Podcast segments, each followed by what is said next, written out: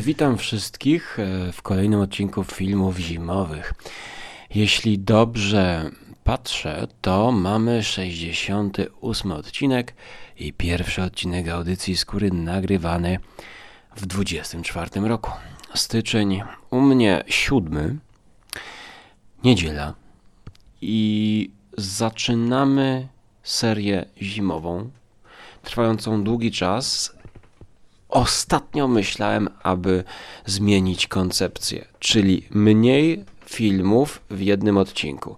Nawet chciałem robić odcinki 10-minutowe i jednofilmowe zarazem.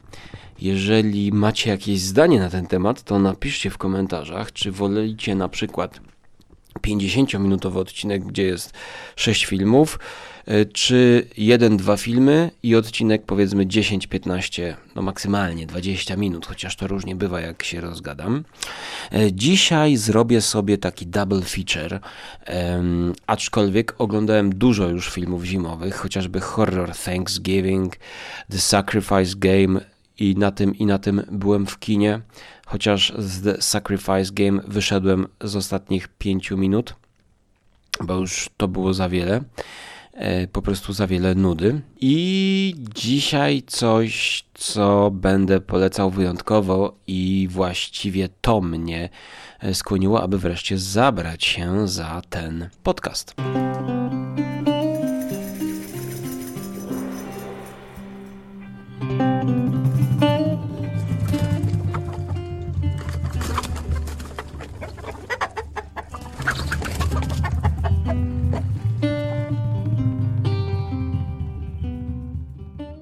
Choć trzeba też wspomnieć i powinienem nagrać o tym filmie, jak leciał w kinie. O nowym filmie Romana Polańskiego, czyli The Palace.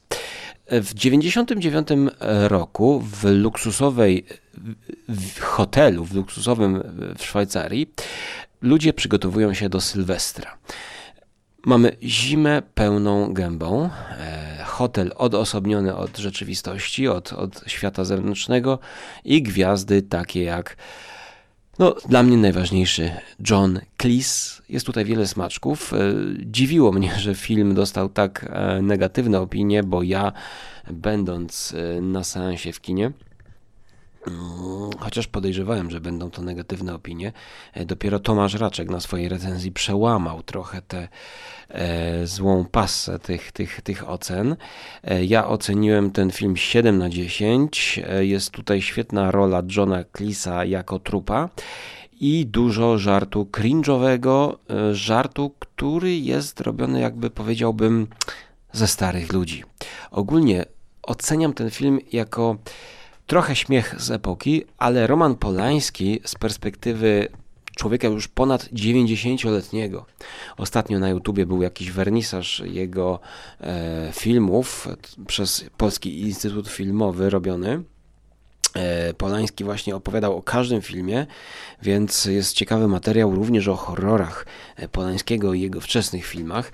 Jeszcze tego nie przesłuchałem, ale już widać, że jest tam dużo informacji z pierwszej ręki. Y, The Palace to właśnie e, trochę szaleństwa, trochę humoru przesadzonego, gdzie no tam pokazują kubkę pieska na, na tym, ale to w porównaniu do Monty Pythona to jest, to jest według mnie bardzo grzeczne i wyłagodzone. E, myślę, że to po prostu przez e, powracającą tą aferę Romana Polańskiego z z lat młodości, to e, ten negatywny stosunek do Polańskiego może funkcjonować. E, ja ten film mogę polecać i udało mi się nawet go w kinie obejrzeć. On był chyba dosłownie tydzień, tydzień w kinie. Zerowa promocja. E, dowiedziałem się o nim tylko dlatego, że regularnie sprawdzam Cinema City Unlimited, chociaż kończy mi się, słuchajcie, pod koniec stycznia mi się kończy Cinema City Unlimited. Nie mam kolejnej karty. Nie wiem, jak to będzie. Głos mam niski. COVID znowu złapał mnie w tym roku. Straciłem węch na niecałe 24 godziny. Było to traumatyczne. Ech, jak mi wrócił ten e, węch, to wrócił tak od razu prawie, że tak szybciej. E, Ale wracając do naszych filmów, to The Palace zostaje z oceną 7 na 10 dla wszystkich fanów Johna Clisa, e, Romana Polańskiego. Mm, jest tu trochę CGI, no Pingwin jest niestety zrobiony w CGI, to widać, ale tutaj chodzi właśnie bardziej o śmianie się z przywar e, różnych takich charakterów. Mickey Rourke tutaj e, świetna rola. Wszyscy grają bardzo autoironicznie i pozwalają odsłonić się z najgorszej strony. To jest takie aktorstwo odważne, że ci aktorzy nie mają nic do stracenia, jak Polański każe zrobić im coś edgy, to oni to robią. I wystawiają się na pośmiewisko, na, na e, krytykę, e, że to jest żenujące. E, I to czuć już podczas samego filmu. Ten, ten, ten humor jest taki na skraju. Nie wiadomo, czy się śmiać, czy płakać. Czy to mało być żenujące, czy nie ma być żenujące. Dla mnie był to znacznie ciekawszy film. Nie tylko przez śnieg, który tam ciągle ten hotel otacza. Zarzuty były, że e, rasistowskie, e, dowcipy wobec Czechów. W jednym podcaście gdzieś słyszałem. Mm, no, no nie, według mnie nie. Ale pomijam, już pomijam. Mm, bo akurat dwa dni później obejrzałem w kinie e, nowy film Woody'ego Allena, też można powiedzieć, wyklętego przez nierozwiązaną sprawę jego, e, tych prywatnych, to jest jakby ciągle do końca nierozwiązane. E, nie, nie wiem, czy. No, nieważne, 8 na 10, Coup the Chance, e, ale przecież tam nie było śniegu. Więc wracamy i przechodzimy płynnie do filmów obyczajowych, do zimowych filmów obyczajowych, które Teoretycznie Murder at the End of the World. Od tego serialu miał się zacząć nowy sezon w 24 roku filmów zimowych. Ale jeszcze został mi jeden odcinek, więc zostawię Was w niepewności i do tego serialu full zimowego na pewno wrócimy i Wy możecie zacząć go już oglądać. Podobnie jak Thanksgiving e, horror slasher Eliego Rota. Ale nie o tym, nie o tym. I tak to miało być z krótkimi podcastami. It's a Wonderful Knife. To też slasher, który zobaczyłem w kinie, też zimowy i też nie dzisiaj o nim, bo wprost, czy chcecie od przodu, czy od tyłu? Czy chcecie od 79 roku, czy od najnowszej premiery? Oba filmy rewelacyjne choć jeden dostał 7, a drugi 9. Oj, długo czekałem na ten film i prawie że powalił mi na łopatki. W przypadku filmu Head Over Heels, czyli 1970 rok, rok. W Polsce znany jako zimowy romans.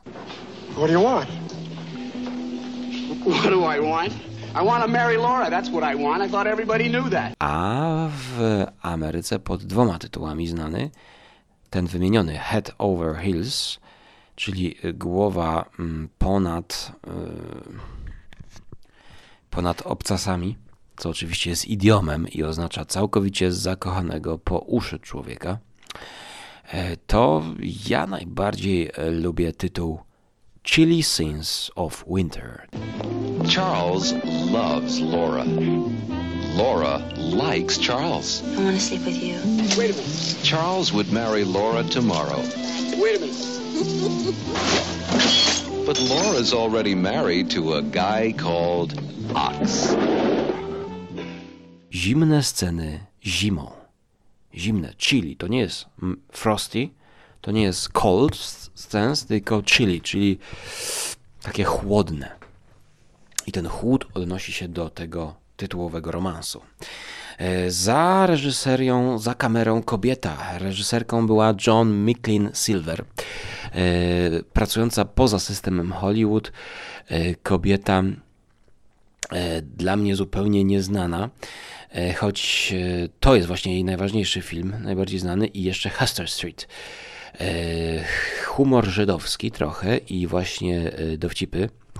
Urodzona w 1935, zmarła w 2020 roku. Nebraska, Manhattan, e, Amerykanka. E, w Nowym Jorku i ten film też dzieje się w Nowym Jorku. Mamy tutaj trzy trzech aktorów: John Hurt, Mary Beth Hurt i Peter Richard i Kenneth, Kenneth Macmillan.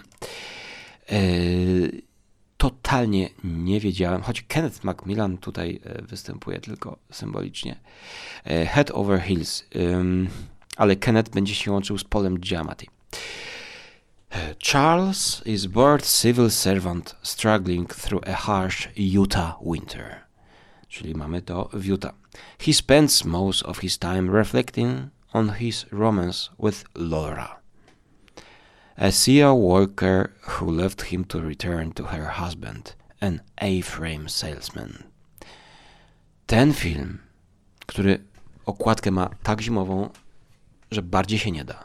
Zosta ostatnio został wznowiony przez Criterion Collection, więc e, został poświęcony i uświęcony przez e, no, najbardziej e, geekowską i siedzącą w historii kina i wyszukującą wartościowych rzeczy i powracających do naszej pamięci e, wytwórni, no, wytwórni e, płyt i wydawnictw.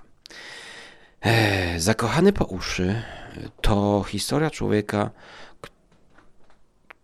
którego mógłby grać w sumie Paul Giamatti.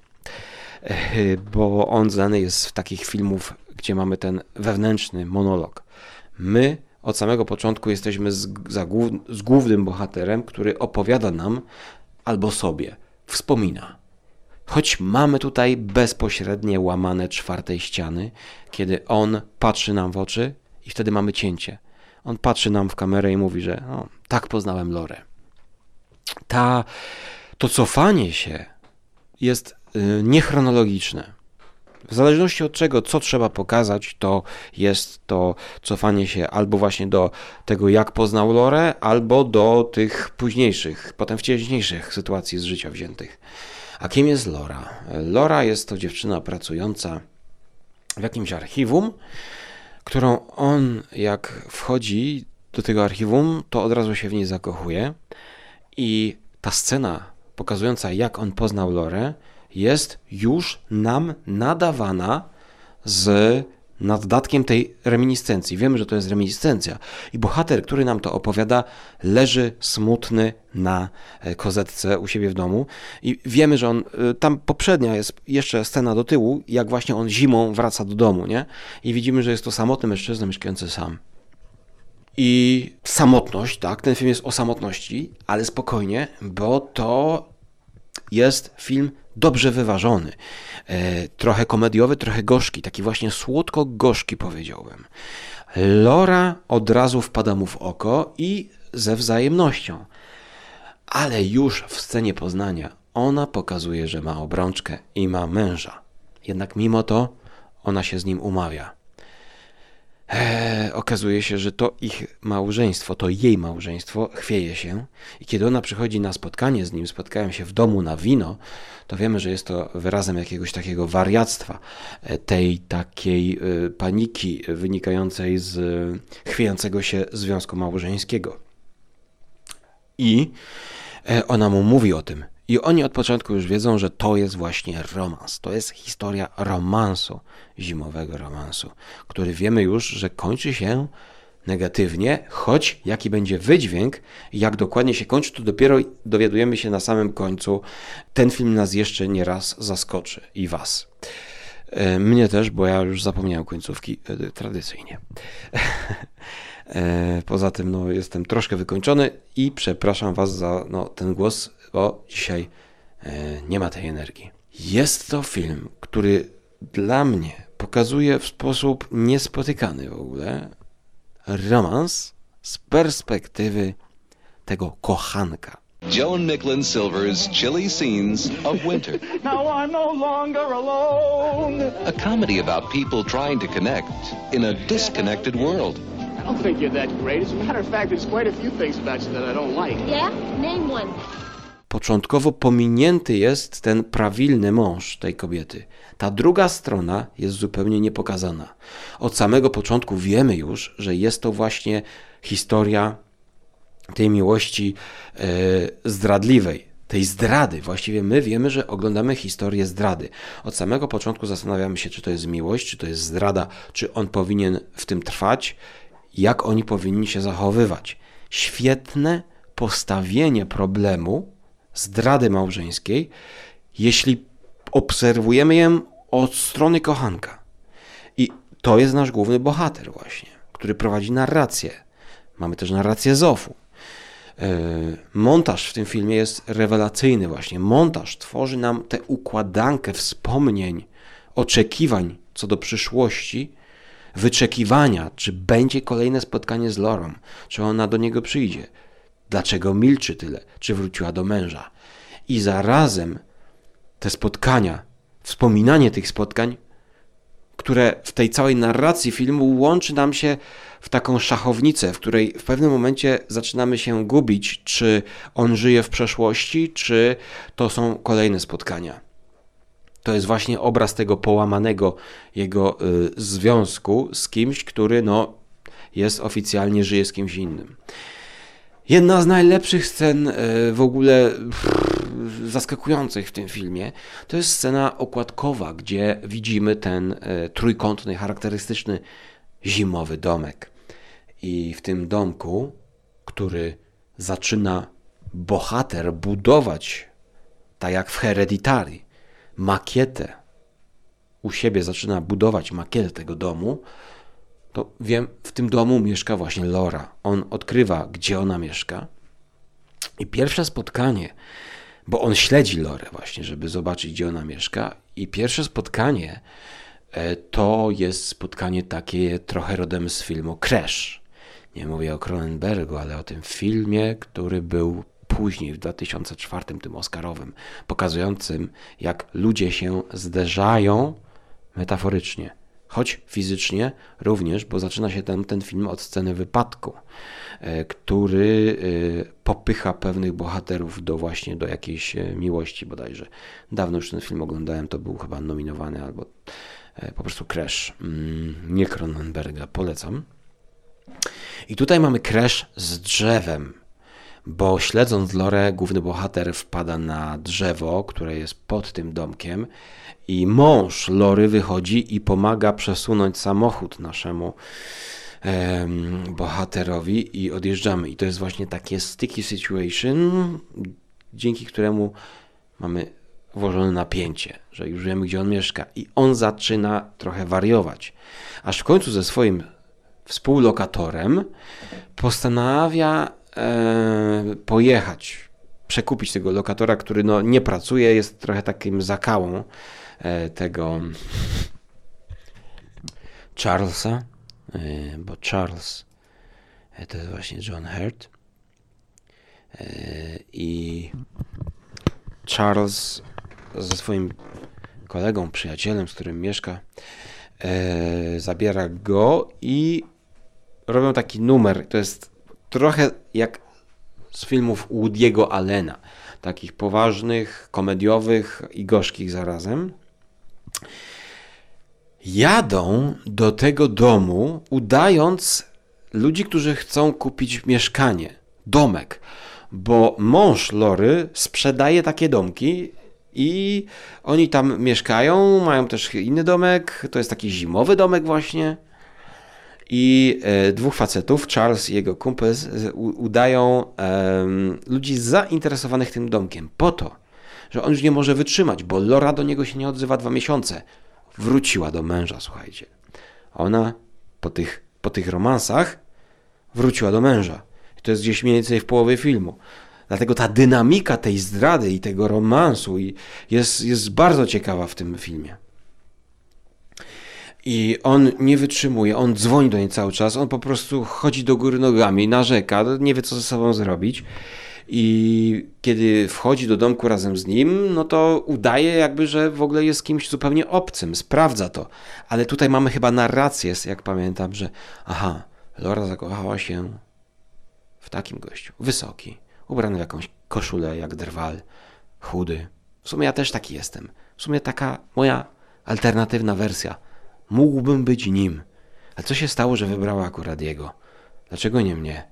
Przecież w alternatywnej rzeczywistości oni mogliby być razem. Ten związek też by się dobrze toczył i tak z jednym, jak i z drugim. Tacy zwykli faceci. I ten everyman, i ten everyman. I w pewnym momencie e, bohater, oczywiście, e, no, cała ta sytuacja triggeruje Lorę, która e, nie odzywa się, ale jest podburzona. Dlaczego on przyszedł, przekroczył granicę rewiru jej domu i jej związku, rodziny. Też oni mają dziecko, chyba, jak pamiętam. I mm, on idzie do kuchni i on przytula. I ona mięknie. I widzimy, pomimo, że ona się tego nie, nie odzywa, to ona, ona mięknie i oni ryzykują, że oni się przytulają tam w tym a, kuchni. Wychodzi, jak gdyby nigdy nic, kolejna sticky situation, napięcie rośnie i główny bohater e, mu... Aha, aha, a jeszcze wcześniej w ogóle oni przedstawiają się jako para gejów. Żeby całkowicie... E, żeby całkowicie y, nie być podejrzewanym przez tego męża, że to jest coś związanego z Lorą, to oni przedstawiają się jako para gejów, która chce kupić mieszkanie, nie? No więc y, oni udają, y, a tutaj wiemy, że tak naprawdę ta sytuacja jest stworzona po coś zupełnie innego. I w pewnym momencie ten facet, to jest najlepsza chyba scena filmu, ten facet mówi do Charles, kochanek, mówi do męża. Muszę ci coś powiedzieć tak naprawdę kocham twoją żonę.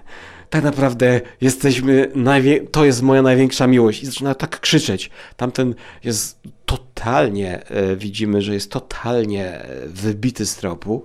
E, wiemy, że ten romans cały czas jest w ukryciu i koniec końców oni uciekają z tego domu, obracając trochę w taką creepy, sticky, bizarre, dziwną sytuację, która e, jest tak, tak konfuduje tego męża, że my właściwie już nie wiemy, co z tego ma wynikać.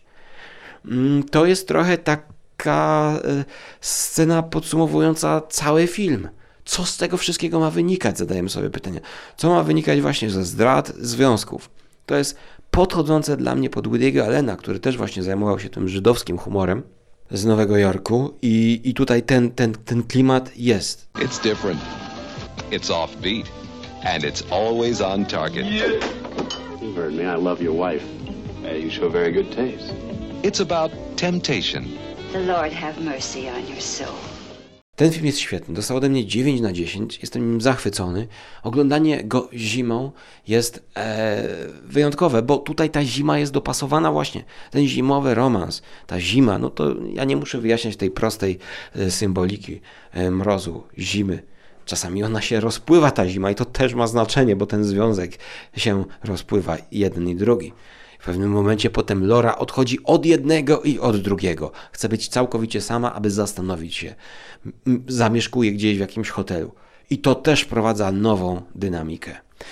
Ja wiem i na pewno obejrzę ten film jeszcze raz, już wiedząc od początku, czego szukać w tym filmie. Czyli od samego początku szukać tego zagubienia głównych bohaterów. Bo zarówno Charles, jak i Laura, oni są zagubieni. Oni nie wiedzą, co mają robić. Czy on powinien zrezygnować z Lory dla dobra jej małżeństwa, czy powinien chcieć zaspokoić swoje ja, swoje uczucie? Co powinna zrobić Lora? Ona robi to, co powinna, potem robi to, żeby się zastanowić, co powinna. To jest jeden wielki galimatias, z którego wynika trochę smutku, trochę żartu, ale to nie jest łzawy film, to, to nie jest film nudny. Ten montaż e, pokazuje nam sytuacje różne. To jest film, e, który jak znajdziecie, to obejrzyjcie. Po prostu e, do tego ciężko znaleźć. No, nie ma polskich napisów po angielsku. Ja go oglądałem z napisami angielskimi i. And most of all, the outrageous complications Night, of Charles' never ending Night, Charles. infatuation. Night. John Hurd and Mary Beth Hurt in chilly scenes of winter. Eee, no, 9 na 10 i, i to jest klimat lat 70. To jest to ziarno e, filmowej taśmy, które łączy nam się z nowym filmem Aleksandra Payna, znanego z Bezdroży na przykład, z Nebraski. reżyser e, Paul Giamatti grał w Bezdrożach. I Paul Giamatti gra rolę no, jak z lat 70. I ten film toczy się właśnie pomiędzy 60. a 70. latami, stylizowany jest gdzieś w koledżu. Paul Giamatti gra takiego surowego nauczyciela. Leftovers, bodajże ten tytuł, czy Holdovers, e, przesilenie zimowe. Widać, że polscy dystrybutorzy, zarówno no, co do filmu starego Zimowy Romans, Zimowe Przesilenie. Oglądałem go 2 stycznia albo dzień przed Sylwestrem. Dużo kino, zapchane e, ludźmi, mała sala, bo to była przedpremiera. On dopiero w Polsce wchodzi pod koniec, e, oficjalnie pod koniec stycznia, więc idźcie do kina, chociaż tutaj moja ocena 7 na 10.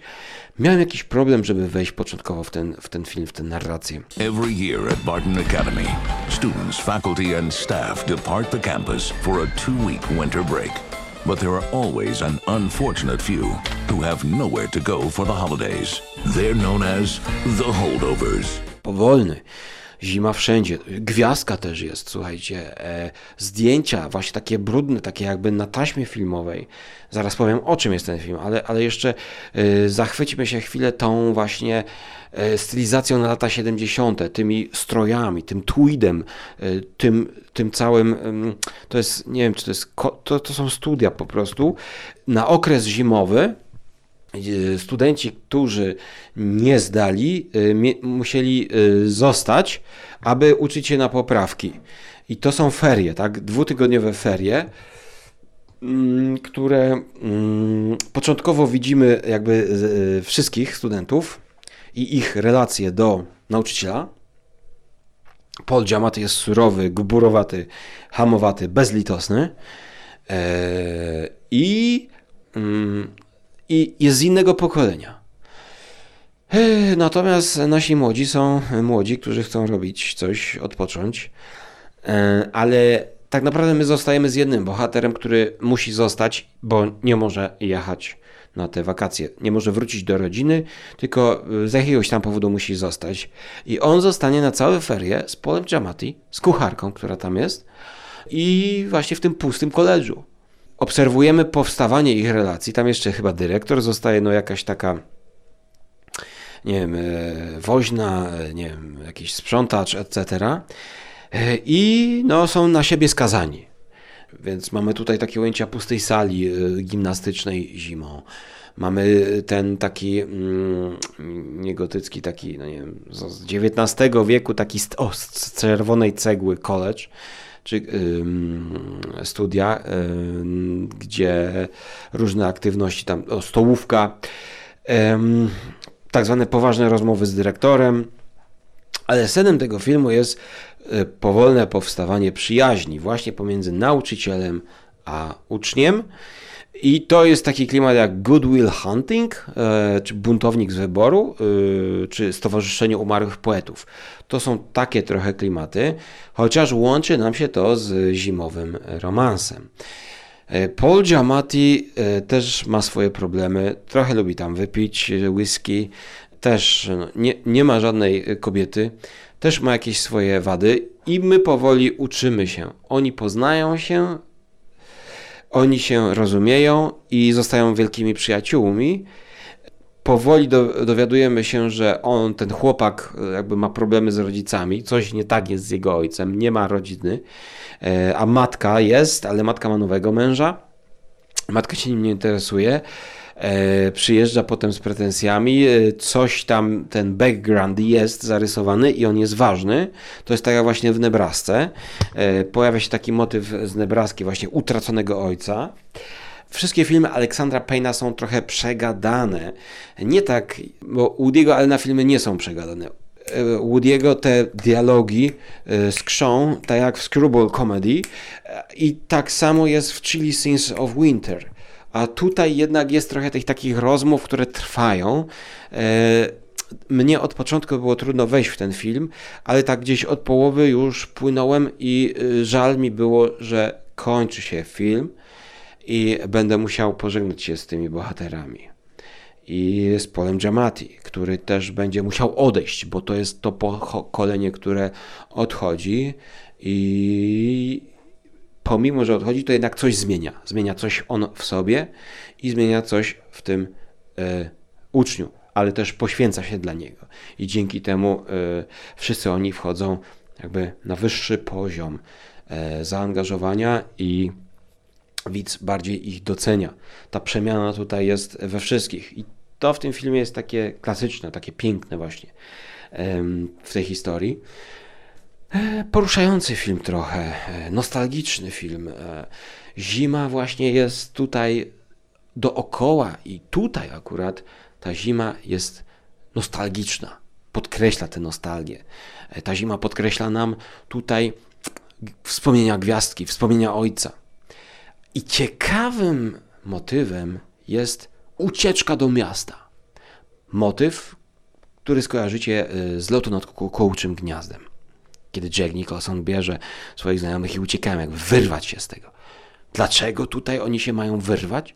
Ponieważ oni mają siedzieć na uczelni. Ale Paul Giamatti znajduje dziurę w prawie, że przecież jest budżet na wycieczki. I mogliby oni wyjechać wraz z tą kucharką, taką czarną skórą, e, sympatyczną, no też już troszkę przyjaciółką, która świetnie gotuje, mogą wyjechać do miasta jako wycieczka edukacyjna. I robią pod pretekstem tego, że wyjeżdżają do Nowego Jorku bodajże, e, chcą porobić imprezę, poświętować, no bo są urodziny tego chłopaka, a on nie ma nikogo, nie ma rodziny, nie ma przyjaciół. E, I i, ten, e, i, i, i będzie im lepiej, będzie im e, będzie sympatyczniej między nimi. Oni e, jadą do baru i tam chcą zjeść wiśnie w rumie, płonące. I mamy taką scenę właśnie jak z takiego typowego dla mnie kina sandansowego, że tutaj wstęp Żarłok TV, że kelnerka, taka francowata kelnerka w takim on-en barze nie chce im sprzedać, bo on jest jeszcze niepełnoletni. E, I mówi, nie, yy, nie może on alkoholu. A ta babeczka mówi, że ta, ta, ta, ta, ta kucharka, że no ale jak zrobicie e, podpalicie to, bo podpalacie, to, to, ten alkohol wyparuje. A ona coś tam, kelnerka nie przyniesie. No to e, Paul Giamatti chce zamówić to dla siebie. No to oni już wiedzą, że to podstęp i też nie chce sprzedać. No to mówią tak, no to, to sprzedacie nam po prostu lody i wiśnie osobno. No dobra, więc oni biorą na wynos te lody i wiśnie osobno. Paul Giamatti idzie kupić rum bodajże i sami e, na blasze na, na masce samochodu pod tą restauracją polewają te lody i wiśnie rumem i podpalają. Podpalają tak mocno, że całe pudełko płonie i nie da się tych lodów zjeść. Oni to zrzucają. I, I to jest właśnie oglądane tak trochę z lotu ptaka. To przypieczętowuje ich przyjaźń. No oczywiście tam jest wiele innych tych motywów. Też jest ucieczka do ojca, bo ten chłopak trochę tak ukrywa, po co on chciał, żeby wyjechali i też ucieka do ojca. Coś z tym ojcem się okazuje, nie będę zdradzał. Ta ciągła ucieczka e, jest, ale potem jest powrót i potem wiemy, że już te dni w szkole e, będą lepsze dla, dla naszego głównego młodego bohatera. Dlaczego 7 na 10? Bo jest to film bardziej bezpieczny niż Chili Scenes of Winter. Jest to film e, poprawny, ale dopracowany w szczegółach, dopracowany e, w charakteryzacji Paula Giamatti, który ma zeza rozbieżnego w tym filmie. Nie wiem, jak oni to zrobili. I z tym zezem też wiąże się pewien tekst, bo on, on jest pytany, w które oko ma patrzeć, w to czy w to, a może to jest szklane oko. W pewnym momencie potem Paul Diamant pokazuje, że to jest to oko, w które masz patrzeć, tak? E, tym samym gestem Paul Diamant mówi, że to jestem ja, tutaj patrz, tutaj patrząc w to oko, patrzysz na mnie i znasz mnie, znamy się. jest między nami relacja przyjacielska, więc patrzysz w to oko. Wszyscy inni nie wiedzą, w które oko patrzeć.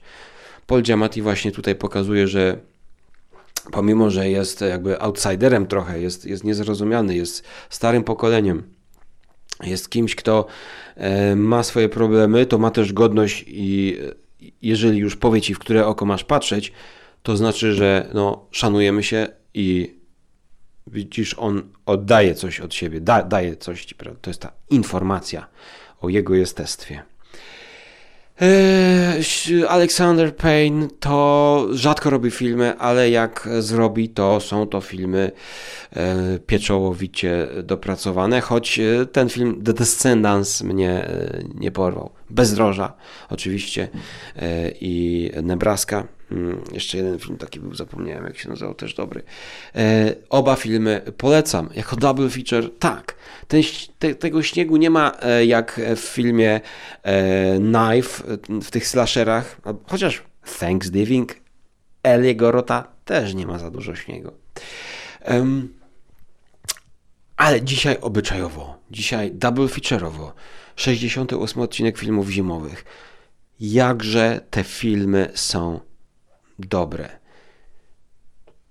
Zimowe. A powiem wam, że kiedy to nagrywam, to za oknem wrócił śnieg. Miałem jechać na weekend do rodziny, ale coś się posypało. Już w piątek, już w piątek mogłem jechać. Wieczorem bym cały weekend spędził. Będąc świadkiem zimy, pojechałbym nad jezioro. No ale tutaj miałem jakieś takie pewne przejścia e, nie covidowe, ale e, z kimś znajomym e, się przedłużyło coś, przeciągło i zostałem.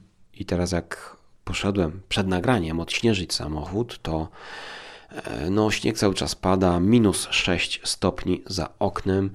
E, musiałbym robić 66 km e, w warunkach ciężkich. Jest już wieczór. Mało bardzo spałem, słuchajcie, 4 godziny spałem, więc też bym się bał.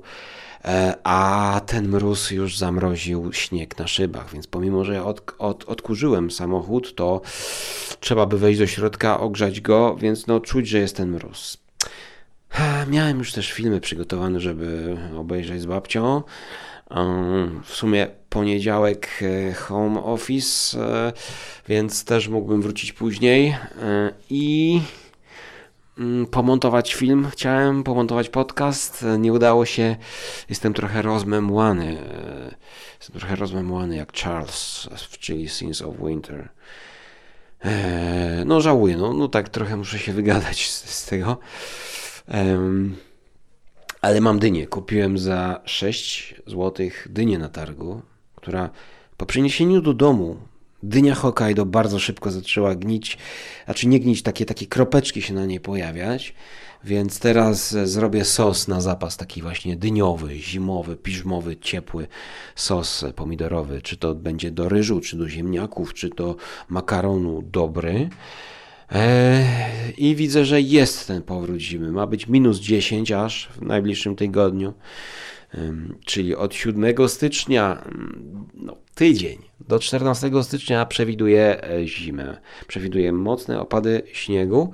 E, te opady trwają, e, choć bardziej stawiam na mróz, że teraz nie będzie aż tyle tego nawału śniegu jak w grudniu, ale będzie bardziej mroźno. O, ja już się boję o moje dłonie, które są uczulone trochę na mróz i wystarczy, że no nawet słabe rękawiczki od razu mam jakieś plamy e, na palcach. E, e, jest coś takiego jak uczulenie na mróz, ja się dowiedziałem.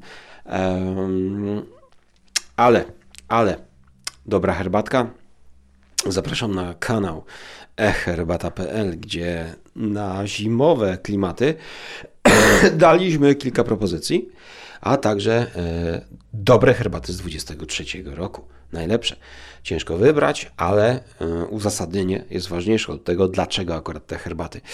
Nie ma nic lepszego, jak właśnie e, patrząc na ten śnieg, zaparzyć sobie coś. Ja to zaraz zrobię i planuję Fargo, piąty sezon, czy będzie tego śniegu.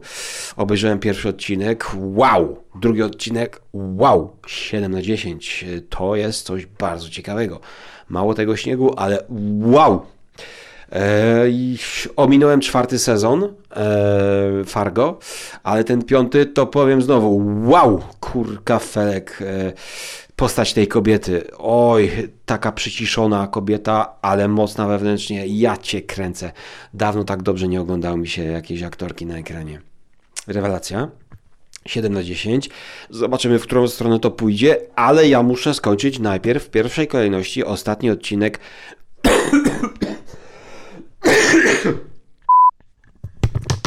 Niestety przez nowy wariant covid.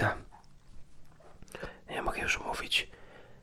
Kaszel jest dramatyczny. W zeszłym roku też był i nowy wariant covid podczas przechodzenia jest lżejszy, ale kaszel zostaje nadal taki sam. Duszący, dramatyczny. Nie mogę już mówić. Nie wiem na czym skończyłem. Dziękuję za wsparcie. Trzymajcie się. Do usłyszenia w następnym odcinku. Pamiętajcie, że jak chcecie jeszcze więcej zimowych podcastów, to ostatnio wypuszczony o książce Józefa Kariki Strach, zimowej książce, zimowy podcast. Jeśli przegapiliście, to Strach Józefa Kariki to coś dla Was.